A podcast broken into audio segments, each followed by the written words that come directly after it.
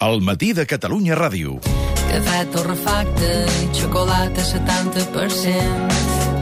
Desfàs embalatges, olores intensament. Amb Mònica Terribas.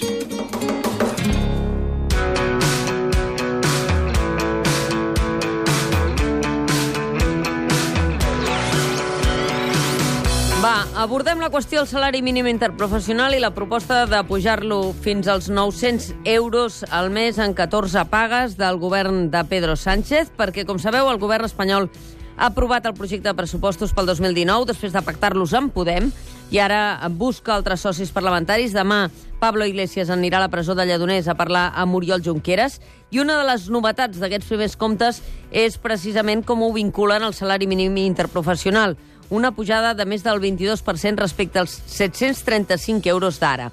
El Fons Monetari Internacional i la patronal COE amb Joan Rossell al capdavant, ho qüestionen. No estamos en desacuerdo con este crecimiento, pero pausadamente y también teniendo en cuenta que existen unos convenios colectivos que hay que respetar y después una cosa que es tremendamente importante, que es la contratación pública. En los sectores muy intensivos en mano de obra, el 80-85% del total del coste de la contratación son los salarios. Por tanto, vamos a ver qué hace la administración pública y cuáles son las consecuencias para todas estas contratas, que son miles y miles de personas. I tenim el catedràtic d'Economia i professor de la Colúmbia de Nova York, Xavier Sala i Martín, per fer-nos l'informe. Xavier Sala i Martín, molt bon dia. Hola, molt bon dia. Com anem? Mm, Bé, bé, intentant treure'n l'aigua clara de tot plegat. A veure, el salari mínim, què és? Bé, és un, un salari que determina el govern o, o, o la legislació en lloc de determinar que, en lloc de que el determini l'oferta i la demanda. A veure, per entendre, per entendre o per que determini el mercat, per entendre el, això, per entendre la, diguem, els, impact, els possibles impactes d'un un augment eh, diguem, legal del salari mínim, eh, hem, jo, jo faria esment de dues maneres de veure el món, dues teories que són les que eh, s'agafen, eh, per una banda, la patronal i el Fons Monetari i la major part d'economistes, i per altra banda, la segona teoria, que és la que defensaria el Pedro Sánchez i els sindicats. No? Per la, la primera teoria ens diu que el salari, més o menys, el salari que rep un treballador, més o menys ha de ser igual a la, a la seva productivitat. És a dir, el que rep el, tra el treballador de l'empresa, que és el salari, eh, el que li paga l'empresa al treballador, el salari, ha de ser més o menys igual al que el treballador aporta a l'empresa. Eh? Mm -hmm. És a dir, el que tu em dones ha de ser més o menys igual al que jo et dono tu. Uh, per què? Uh, per, I, per cert, el que la, el treballador aporta a l'empresa, el que s'anomena productivitat. Per això diem mm. salari ha de ser més o menys igual que la productivitat. Per què? Doncs perquè si un treballador costa 900 però la seva aportació a l'empresa és només de 735, doncs clar, l'empresari l'acomiadarà, dirà que aquest senyor o aquesta senyora no em val la pena, eh? Mm. I per tant l'acomiado. Um, aquesta seria la teoria normal, la teoria clàssica, no? Per altra banda, hi ha, els altres, uh, hi ha una altra teoria que diu que aquesta relació entre salari i productivitat no sempre és certa perquè molt sovint els treballadors accepten feines mm, en situacions extremes, per exemple, quan hi ha una gran crisi, quan hi ha molt, molt atur, eh, doncs accepten feines que són inferiors que, que tenen un salari inferiors a la seva productivitat. Gent que té una productivitat de 900 accepta feines de 735 perquè no té més remei, perquè hi ha crisi, perquè mira el mercat laboral i diu, hosti, si tothom està a l'atur, més val que agafi això que no pas uh, un salari que m'esperi a un salari més alt perquè jo, diguem, no, no, diguem, no trobaré una altra feina que, que pagui el que jo realment valc, no?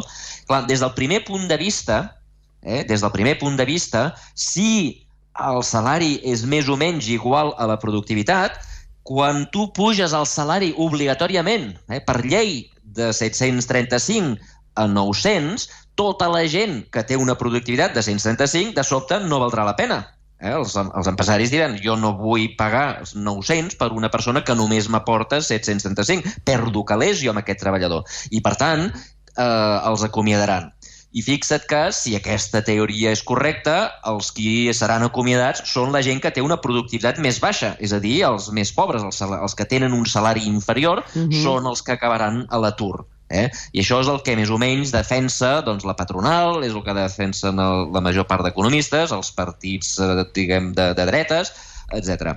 Però, però... Per altra banda, Clar. per altra banda, si el, el treballador va acceptar un salari de 730 perquè quan va entrar al mercat laboral hi havia crisi, hi havia atur i no, i no tenia més remei, fixa't que uh, la seva productivitat és més alta, el que Mm. ell o ella aporten a l'empresa és més del que cobren, per tant, si per llei es puja el que cobren, l'empresari seguirà valent-li la pena eh, tenir aquest treballador. I, per tant, s'aconseguirà que aquest treballador o treballadora cobri més i no, ni, no augmentarà l'atur. Eh? Mm. I això és el que argumenta, diguem, Podemos, el Pedro Sánchez, etc. I per tant, la pregunta és qui, qui té raó?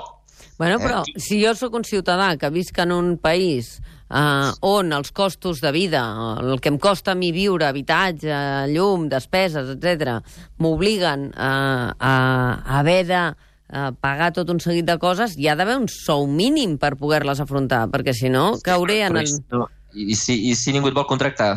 Si no, hi ha d'haver un sou mínim, però si el sou mínim és de 900, però la meva productivitat només és de 700, ningú em contractarà. De què serveix un sou mínim per la gent que està a l'atur?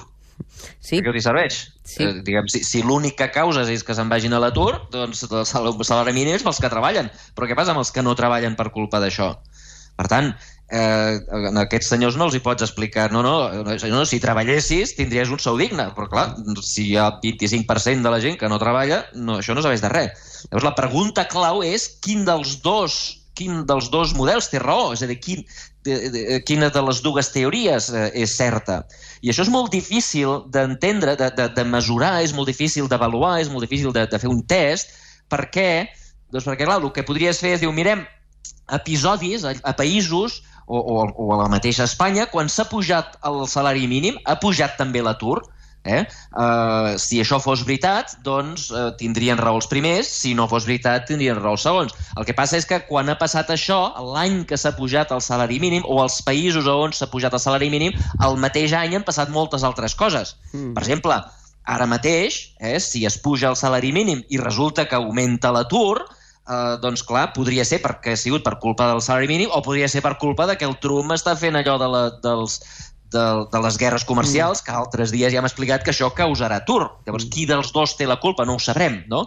I, per tant, s'ha de buscar, eh, diguem, i els economistes no podem fer experiments, com els metges, eh? No podem dir, escolta, pugem el salari mínim a la meitat de la població i a l'altra no, no, i, i a l'altra meitat no, i mirem aviam eh, el, el, el, qui, qui, qui, si funciona o no funciona. Sí. És a dir, no podem fer el, com, el, com els metges que donen un placebo i una medicina eh, eh, i, un, i, i la medicina real amb uns mm -hmm. i amb els altres no. I llavors hem de mirar episodis eh, estranys que hagin passat, alguna vegada a la vida ha passat que en, alguna part de la població li han pujat el salari i a l'altra no. Doncs aquí hi ha estudis als Estats Units on el salari mínim eh, no el dicta el govern, sinó que el dicten els estats. Hi ha hagut episodis, per exemple, que en un estat s'ha pujat el salari mínim i a l'altre no. I aleshores els economistes han anat a la frontera entre els dos estats, entre dos estats, a mirar les empreses que paguen salaris mínims, aviam si han, han, han, han, han, han contractat més gent o no. Mm. Per exemple, va haver-hi un episodi famós que va ser estudiat per dos economistes de Princeton, que, eh, que a l'estat de Nova Jersey va pujar el salari mínim d'una manera dràstica, mentre que l'estat del costat, que és Pensilvània, no l'havia pujat. I aleshores van anar aquests economistes a, a, la, als, a les McDonald's que estaven a la frontera, els McDonald's són famosos perquè paguen el salari mínim, doncs es mirava els McDonald's que estaven a la frontera els de, entre els dos estats, aviam si els de Nova Jersey, que eren els que havien pagat un salari mínim més alt, eh, acomiadaven a gent i els de Pensilvània no. Mm -hmm. I el resultat, el resultat va ser que la gent, diguem, el, a l'estat on s'havia pujat el salari mínim no augmentava l'atur. És a dir, que la primera teoria no era tan correcta com la segona, eh? o una part de la segona. Uh, és a dir, augmentes el salari mínim a New Jersey i no es crea un atur espantós entre la gent que cobra salari mínim, és a dir, entre, en, en els McDonald's que contracten aquesta gent, aquesta, els McDonald's no van acomiadar ningú. De fet, els hi van pagar un salari més alt Uh, i per tant uh, potser la teoria del Pedro Sánchez és correcta i no tant la del Rossell, almenys en aquests episodis sobre els quals uh, tenim dades. Una cosa curiosa, però, és que el que va passar amb aquests McDonald's no és... O sigui, els, els treballadors van cobrar més, molt bé, Uh, però els McDonald's no, no van tenir menys beneficis. Uh -huh. El que van acabar fent va ser repercutir els preus en els consumidors. És a dir, qui que va acabar pagant els salaris més elevats van ser els que consumien Clar. hamburgueses, perquè New Jersey van pujar els preus de les hamburgueses en relació a Pensilvània. I això és una cosa que pot acabar passant aquí les empreses, diguem, el que faran serà les que puguin... Repercutir en el preu dels productes a l'increment del, dels Exacte. sous. Això de les empreses, eh? Perquè aquí hi ha una altra cosa que ho ha dit el Joan Rossell i que té raó, i diu una altra cosa és què passa amb els funcionaris, el mm. govern. Clar, el, els, la productivitat dels funcionaris no, és, no es pot mesurar massa bé eh, i no sabem ben bé si els funcionaris produeixen el que cobren, eh? Uh, però el que sí sabem és que ho paga l'Estat i per tant, eh, si augmenta el salari mínim, tota la gent del, que, que, diguem, que, que rep salaris del govern eh, i que cobren el salari mínim, òbviament cobraran més i per tant l'Estat pagarà més. I llavors la pregunta és d'on sortiran aquests calés? S'hauran de pujar impostos, s'haurà de tenir un dèficit més gran, com es farà? però que clarament això tindrà un impacte eh, sobre, sobre, sobre el dèficit i és per això que el Fons Monetari es queixa i dius, compte, el Fons Monetari, que sempre es preocupa pel dèficit, perquè, clar, els països que exploten perquè tenen dèficit acaben anant a, a demanar prestat al Fons Monetari. El Fons Monetari diu, vigileu, vigileu, perquè aquí l'estat espanyol té molts funcionaris, com deia el Rossell, um, que, paguen, que cobren el salari mínim. Si pugeu el salari mínim d'una manera elevada, diguem, es causarà un dèficit gros i això ho haureu de pagar. Pregunta, com ho pagareu? Ja. Però eh, per tot això que ens està explicant Xavier Sala i Martín, hi ha un informe del Banc d'Espanya, eh, fet anteriorment a tot això que estem comentant i que passa ara, que va calcular l'impacte sobre l'ocupació d'un augment del fons del salari mínim interprofessional fins a 950 euros al mes i la conclusió que treien és que hi havia en risc, per això que ens deia ara en Xavier, un 1,39% dels llocs de treball i un 17% dels més vulnerables, que és el que ens deies. Però, clar, la Carta Social Europea estableix que, que l'objectiu d'arribar als 14.000 euros any es, mm, es reflecteixi en un salari mínim del 60% més o menys del sou mitjà d'un país, no? I, i sí. aquest és un càlcul que també s'ha de respectar. Bueno, a veure, el, el, Primera, el Banco d'Espanya, diguem, eh, arriba a aquests números perquè fan servir la primera teoria que us he mm. explicat. Eh? Si tu creus en la primera teoria, doncs, òbviament, a la que puges el salari mínim, tota la gent que té una productivitat que està per sota del salari mínim s'anirà al carrer. Perill, clar. Eh? Per tant, i, llavors, i aquests són els números que dona el Banco d'Espanya. Però ja he dit que aquesta teoria eh, no ens l'hem de creure 100% perquè en els països on s'ha fet un test eh, economètric i empíric de si és vàlida, doncs no surt massa ben parada mm. aquesta teoria. Uh, per tant, no sé si jo em crec de, aquests resultats del Banco d'Espanya. Pel que fa a la, a la Carta Social Europea, diuen que el salari mínim ha de ser un 60% del salari mig. Uh, però no parla de quina ha de ser la taxa d'atur. Clar, si, si la teoria primera és correcta, que ja he dit que no sé si ho és, però clar, tu dius, no, és que el, el salari mínim per llei ha de ser el 60% del salari mínim. Molt bé. Uh, però clar, si tota la gent que té productivitat més baixa que jo se'n va a l'atur, com que no compta com a salari, o sigui, el mm. problema de, del mercat laboral és que la gent que està a l'atur no compta. Mm -hmm. no, no compta que té salari zero. Perquè si, tingués, si tu comptes que tingui que té salari zero, fixa que el salari mig baixaria sí. d'una manera extravagant. Uh, però clar, com que els fas fora dius, mira, aquests no compten, e, entre els que treballen els hem de pagar molt. Mm. Clar, si el cost d'això és que hi ha molta gent que se'n va a l'atur, i compta perquè Espanya, a dins de la mitja europea, és una excepció brutal, juntament amb Grècia, en temes d'atur. Mm. O sigui, té, té un atur extraordinàriament elevat, eh, i per tant això de comparar amb el que passa a Europa és una mica perillós. Eh? Eh, jo sóc més partidari de, de comparar amb la productivitat que realment tenen els treballadors i, i en aquest sentit m'enfio més d'aquest estudi de, de Nova Jersey, eh? perquè que no pas de, de, del que passa de, del que, de, de la mitjana, de comparar amb les mitjanes, perquè eh, pots, pots acabar... Que si, si tu ignores el que li passen als aturats, doncs clar, eh, escolta'm, els treballadors que tinguin un salari enorme, enorme, enorme, enorme, eh, però clar, si això causa una gran quantitat d'aturats, es d'anar en compte. Uh mhm. -huh. Això és el que, per cert, els economistes anomenem la teoria de insider-outsider, que, que fan servir els suecs, eh, o que han desenvolupat els suecs, que diu que hem de tenir en compte tots els treballadors, no només els que treballen, sinó que els que hem de tenir els que treballen i els que no treballen. Eh, el que passa molt sovint és que els insiders, no, els que ja tenen feina, es despreocupen dels outsiders, els que estan fora del mercat laboral, que són normalment els joves i els aturats, i llavors ells intenten tenir el màxims beneficis per ells, encara que el cost el paguin els altres mm -hmm. treballadors, que com que no treballen, doncs no són treballadors.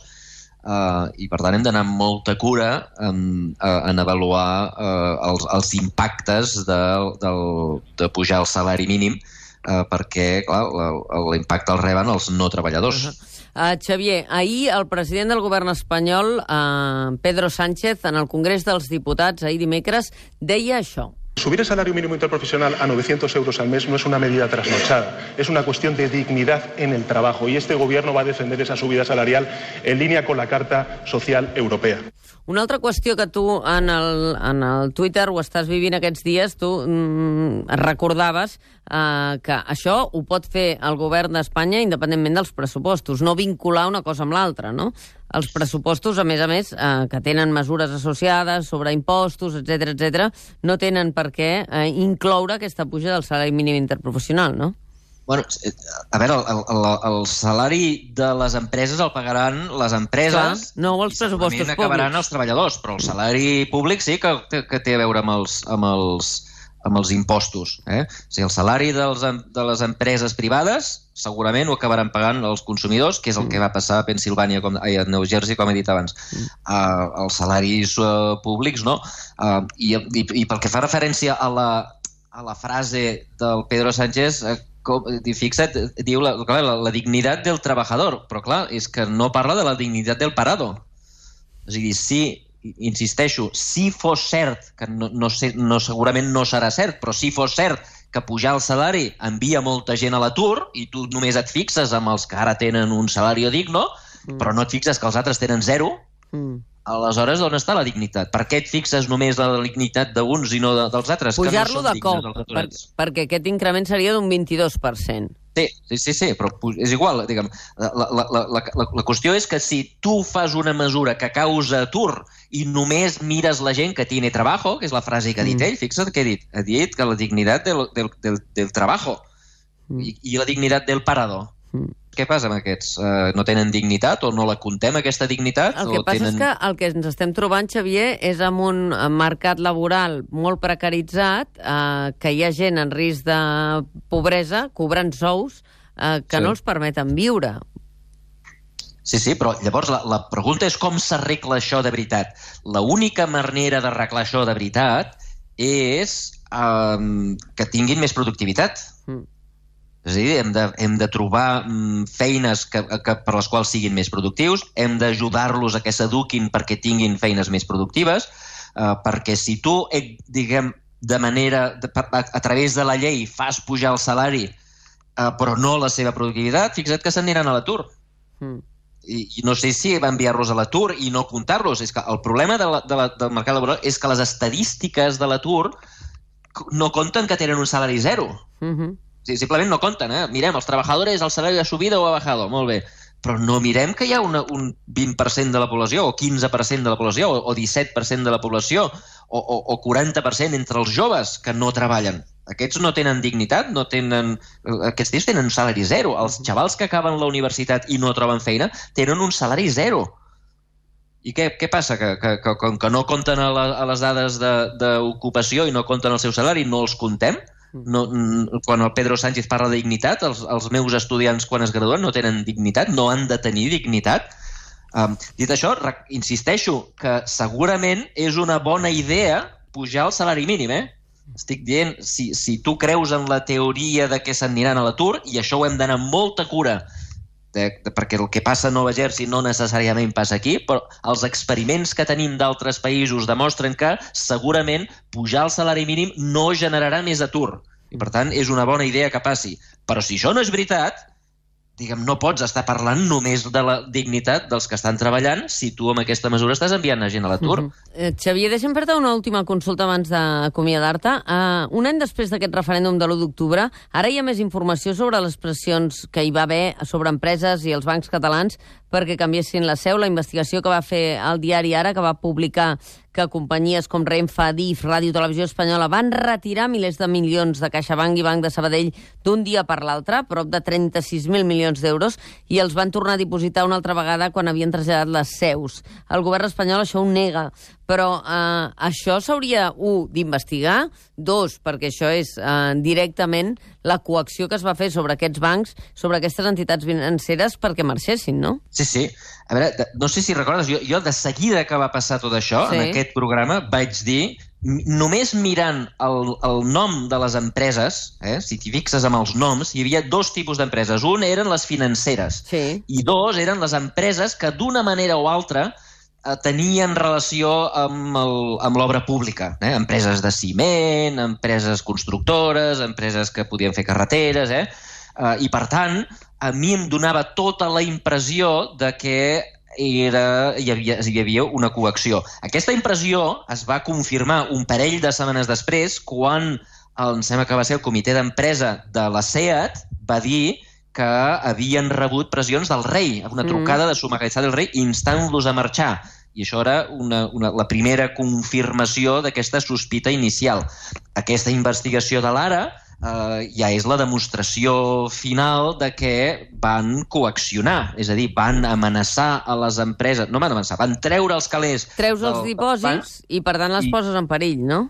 Els poses en perill de que hi hagi un pànic bancari, de que es quedin de que la gent allà treure els diners de la caixa, com que t'han tret tots els dipòsits públics, t'han tret tots els diners, t'has quedat sense caix, aleshores tu vas a treure el caixer automàtic i no hi ha calés. Uh -huh. Si tu haguessis anat a la caixa i no hi havia calés, diguem, haguessis corregut a dir-li als teus amics, tothom hagués anat a treure calés de la caixa i la caixa no tenia diners. I això hagués ensorrat la caixa, hagués ensorrat el Banc de Sabadell i, per tant, els directius de l'un i de l'altre van haver de córrer a, a, treure, a, a treure la seu de Catalunya, que és el que els exigia, els exigia el de Guindos.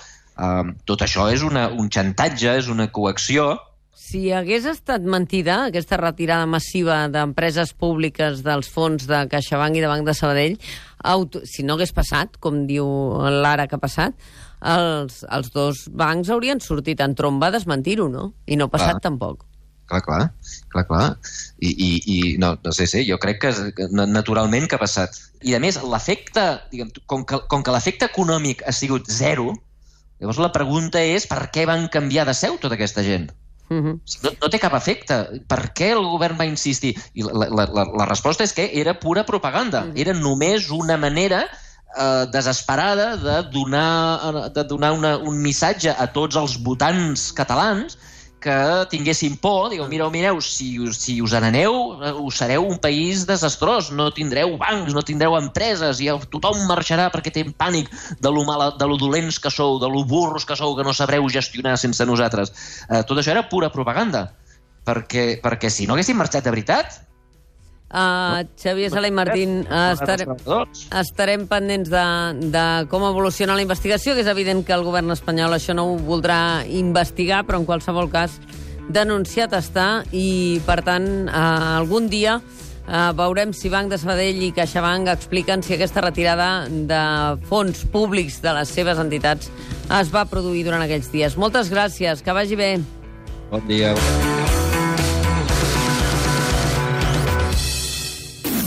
El matí de Catalunya Ràdio.